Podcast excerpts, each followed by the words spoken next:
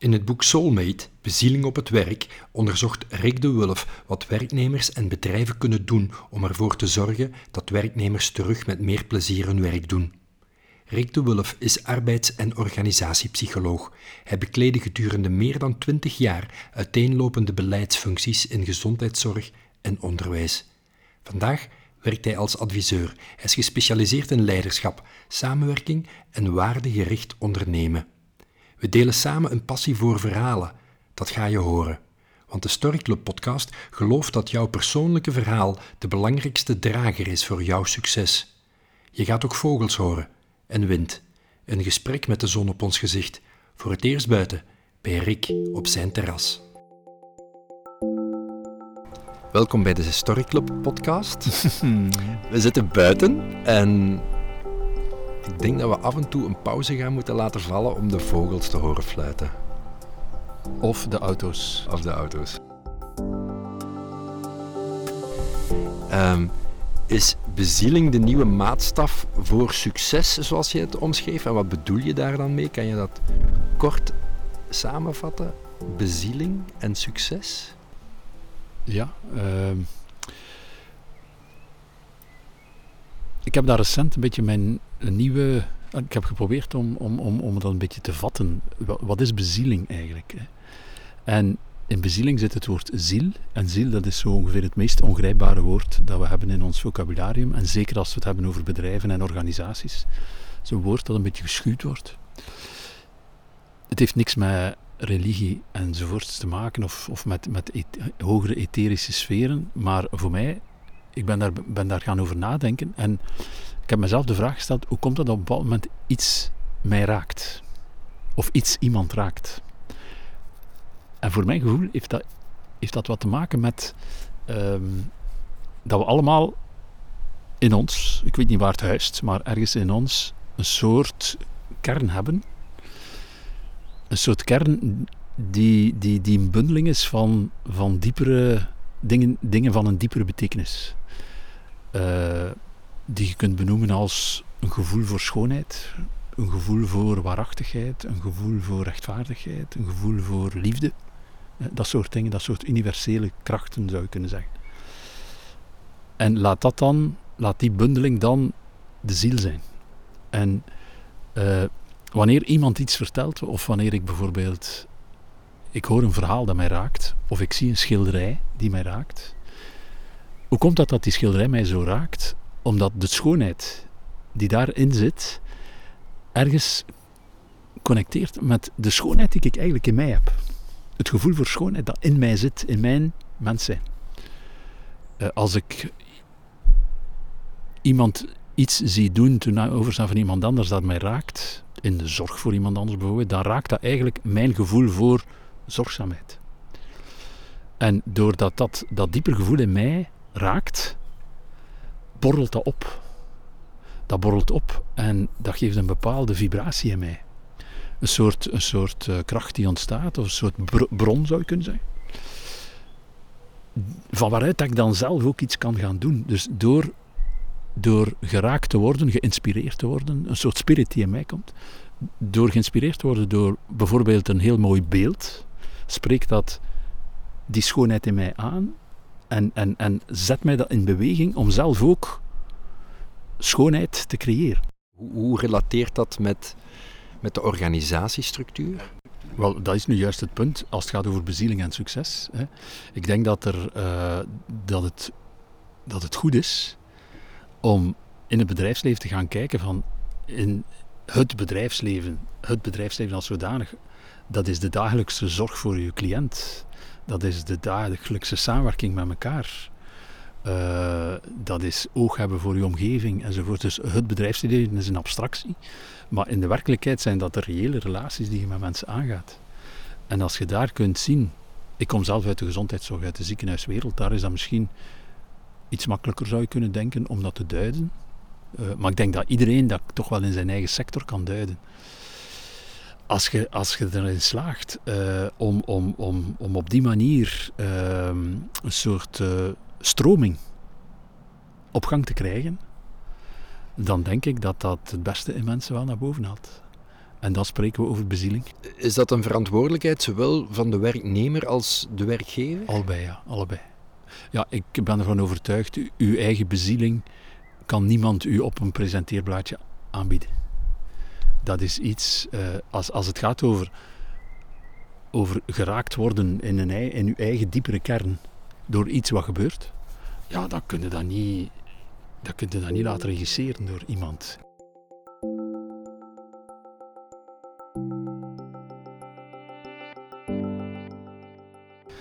Maar ik denk niet dat je het u vandaag als eh, bedrijfsleider nog kunt permitteren om te zeggen dat de waarden niet belangrijk zijn. Ik ontmoet veel CEO's, ik heb nog geen CEO's ontmoet die zeggen dat waarden niet belangrijk zijn. Ik heb er wel al ontmoet die zeggen dat is voor betere tijden.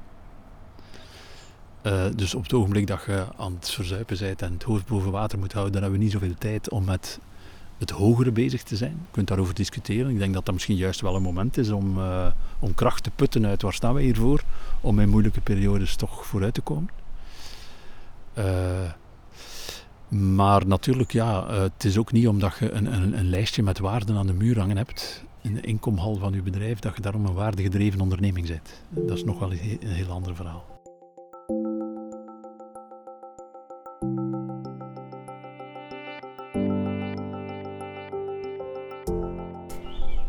Ik denk, eh, ik, zie, ik zie, als we het daarnet hadden, het even over die weinig mensen die, die met bezieling, passie in hun job staan. Dat blijkt wel, dat blijkt ook uit onderzoek, dat dat, dat gaat gemiddeld over, over ongeveer 1 op 4. Dat is toch ongelooflijk weinig. Hè? Terwijl, en dat is, dat is voor mij een, een, een stelling, enthousiasme is onze natuurlijke staat. We zijn geboren als onderzoekers, als ontdekkingsreizigers. Als ik naar kinderen kijk, naar baby's, peuters, kleuters kijk, hoe dat die aan het exploreren zijn en plezier vinden in iets ontdekken. In, in, in dat klein stapje vooruit zetten, prutsen met die kleine vingertjes in waar dat ze ook maar iets kunnen. Hè. Dat vind ik dat is ongelooflijk mooi om naar te kijken. Ook dat is iets om door geraakt te worden. En dan kun je de vraag stellen, wat gebeurt er eigenlijk met, eh, met, die, met dat natuurlijke enthousiasme, met die natuurlijke begeestering om dingen te leren? Die kinderen leren van s morgens tot s avonds. Mhm. Ze stoppen niet, ze, ze, ze, ze hunkeren ernaar. Het is eigenlijk de rol van elke leider en ook als ouder ben je een leider. Elke leider Ja. moet eigenlijk dat blijven stimuleren. Voilà, want dan is de vraag, als, als, als, dat, als dat al zo is, dat die, die, die, die drang om, om te leren, te ontdekken en te ontwikkelen onze natuurlijke staat is, wat gebeurt er dan eigenlijk op ons levenspad dat zoveel mensen dat kwijtraken? En dan zie je dat dat ondergesneeuwd raakt. Dat raakt bij heel veel mensen onder een zeer, dikke korst. En ik vind dat, dat het eh, een belangrijk eh, uitgangspunt is van, van daar ook zo naar te kijken als leider, als je zegt, als je over je medewerker als leider zegt, goh, ja, die zal wel nooit door iets of wat dan ook enthousiast kunnen gemaakt worden, dan is dat een bepaalde kijk op die persoon.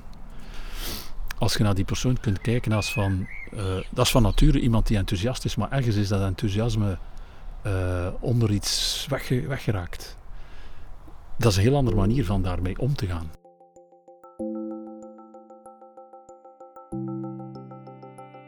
Vertrouwen is de basis. Hè.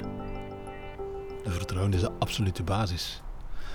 Als er geen vertrouwen is, wat doen mensen die in een omgeving waar ze geen vertrouwen ervaren?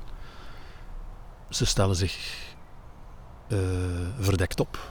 Ze laten niet achterste van hun tong zien. Ze zeggen wat je denkt dat je graag wil horen.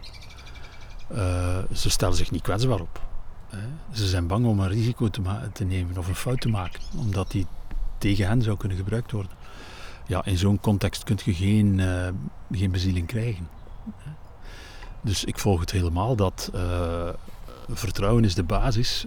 En vanuit, vanuit dat vertrouwen moet er een geloof. Vertrouwen is eigenlijk het geloof dat mijn kwetsbaarheid door een ander, hè, wie ik dan vertrouw, door die ander niet op een onrechtmatige manier zal geschaad worden. Want we zijn allemaal kwetsbaar op elk moment van ons leven. Hè. En we kunnen de factoren die die kwetsbaarheid kunnen schaden, niet allemaal onder controle houden. Dus moet er ergens wel iets van vertrouwen zijn. Op een bepaald moment moeten we ons ook wel geven. En daarom vind ik dat dat daar alles begint. Uh, verbindend leiderschap, engagement, bezieling, dat begint bij het opbouwen van een basis van vertrouwen, zodanig dat je u durft te geven. Want als je u geeft, dan word ik kwetsbaar. Dat is ook een relatie. Hè. Stel dat je, in, dat je in je persoonlijk leven een aantal ernstige teleurstellingen hebt opgelopen op relationeel vlak. Ja, wat zie je dan? Dat iemand wel wat terughoudend wordt om nog opnieuw een stap te zetten en iemand zijn of haar vertrouwen te geven. En dat is ook in het bedrijfsleven zo. Want uiteindelijk, waar gaat het allemaal over? Het gaat over die eenvoudige, simpele vraag: stroomt het nog? Hm? En dat kun je voor jezelf zo beantwoorden. Heb ik het gevoel dat het stroomt, of heb ik het gevoel dat het stagneert? Blokkeert, vastzit. Dat kun, dat kun je zo. Dat, dat is echt geen moeilijke vraag om dat voor jezelf te beantwoorden. Zit ik nog in stroming of zit ik vast? Zit ik ergens op een, op een, op een stagnatie? En ik had het gevoel dat ik uh, op, een, op een blokkering kwam. Uh, dat die stroming stilstaand water aan het worden was. En uh, wat dat wel belangrijk is, is dat je op zo'n moment goed omringd bent. dus mijn partner heeft daar toch een niet onbelangrijke rol in gespeeld. Door te zeggen, even zo op een cynisch moment, zorg dat je niet verzuurt zo te lang in datzelfde blijven, blijven doorgaan. We hebben daar dan wel goed mee gelachen. Uh, maar goed, als ik het nu, ik ben nu uh, acht jaar verder en ik ben eigenlijk ontzettend blij dat ik het gedaan heb. En ik vertel het vaak aan mensen. Uh, ook in workshops bijvoorbeeld, in het begin, stel je even voor en dan zeg ik het er altijd bij. Ik zou het iedereen aanraden, eens de 50 voorbij, nog eens van job te veranderen. Want wat je dan het minst van al mee bezig bent, is wanneer mag ik hier met pensioen gaan. Maar dat is inderdaad iets voor alle leeftijdsfasen. Hè. Je moet je die vraag stellen op je 25ste, is dit het? En, en op je 30ste en op je 40ste. En op dat vlak heb ik wel, uh, ben ik positief gestemd door de, de, door de jonge generatie vandaag, die veel meer uh, dan onze generatie uh, het stuur in handen neemt van hun eigen loopbaan.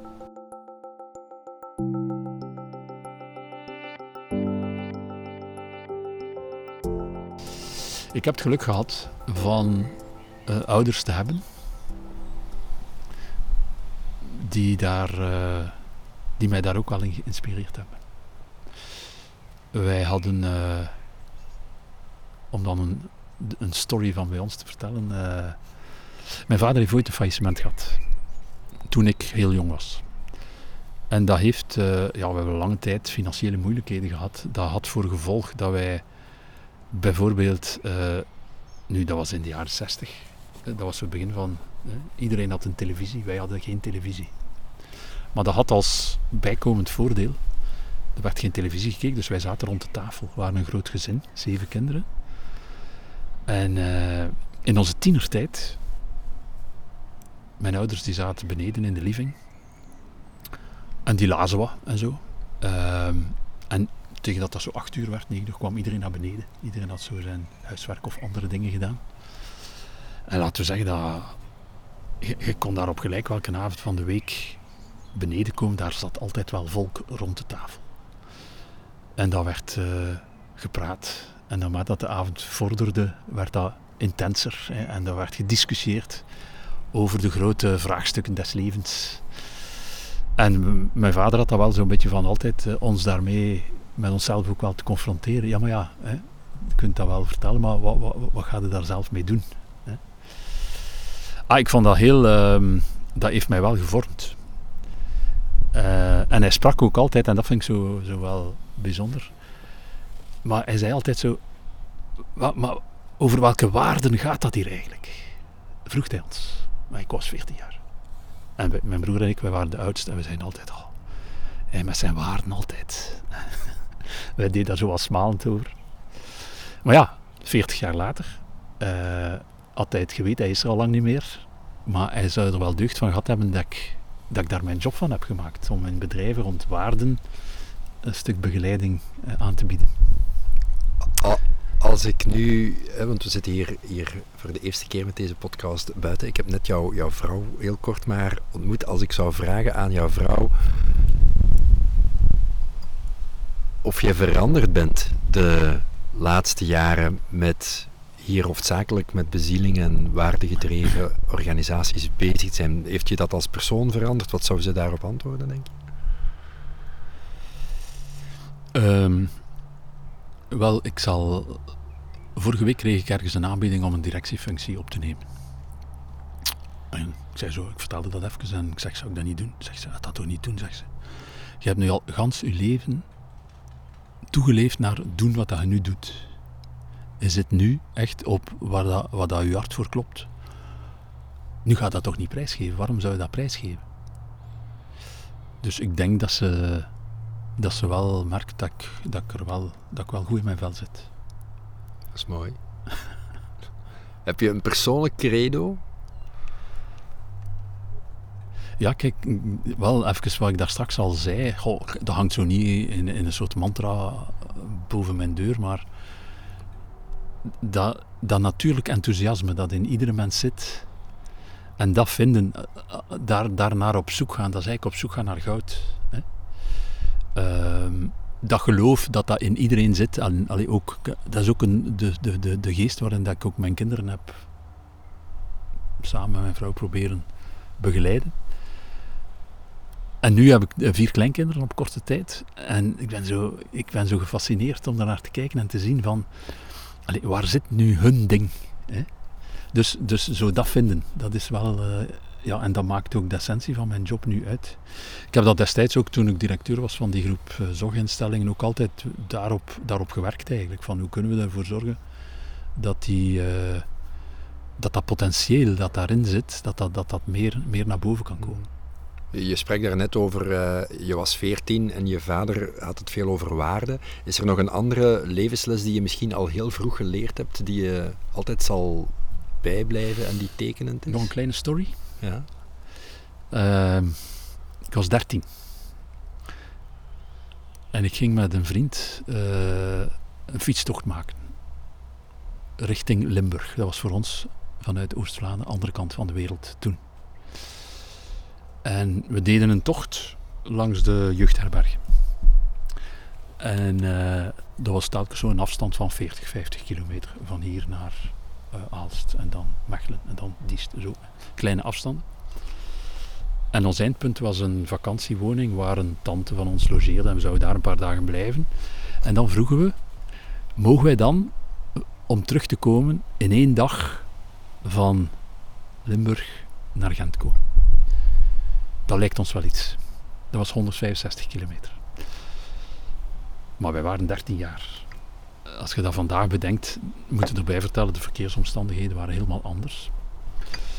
En dus ik stelde de vraag. En ik zag mijn moeder al onmiddellijk zo wat nee schudden, maar mijn vader uh, zei, we gaan dat een keer bekijken. Ik weet, dat, ik weet dat nog niet, zegt hij. Ik moet daar toch over nadenken. We moeten daarover nadenken.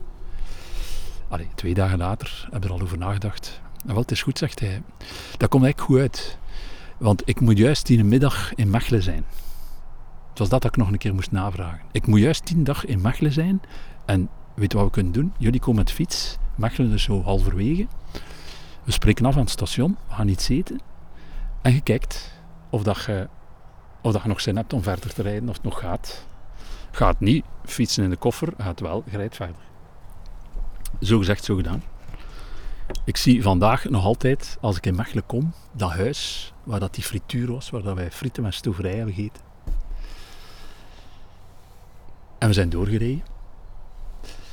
En jaren later heeft hij mij verteld dat hij nooit in Mechelen moest zijn. Maar dat hij vond, als wij die uitdaging wilden aangaan, dat hij ons dat niet kon tegenhouden. Hij kon ons dat wel in tegenhouden, maar hij wou dat niet. Maar hij wou wel een soort opvang, een soort buffer zijn. En als ik daar nu aan terugdenk, ik heb er al vaak aan teruggedacht, dat is eigenlijk leiderschap. Hè? Dat is zo het ondernemerschap. Hè? Wij hadden een soort van ondernemerschap, wij wilden die tocht doen. En hij wou gewoon in, hij wou gewoon in de buurt zijn. En, en, en, en kijken of het ons lukte en opvangen als het niet lukte. En uh, ik heb hem nadien ooit nog een keer horen zeggen: Weet je wat, de beste manier om mensen te helpen, dat is mensen helpen met je hand op je rug. Wilt hij zeggen, pak het niet over, maar zorg dat je er zijt als het nodig is. En ja, dat was voor mij wel inspirerend naar, uh, naar leiderschap toe, uit mijn kindertijd.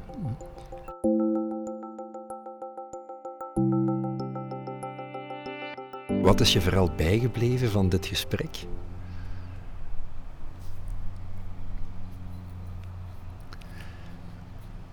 Goh, ik vond jouw vraag, heb jij zo'n persoonlijke mantra? Dat vond ik wel een, een interessante vraag. Intrigerend.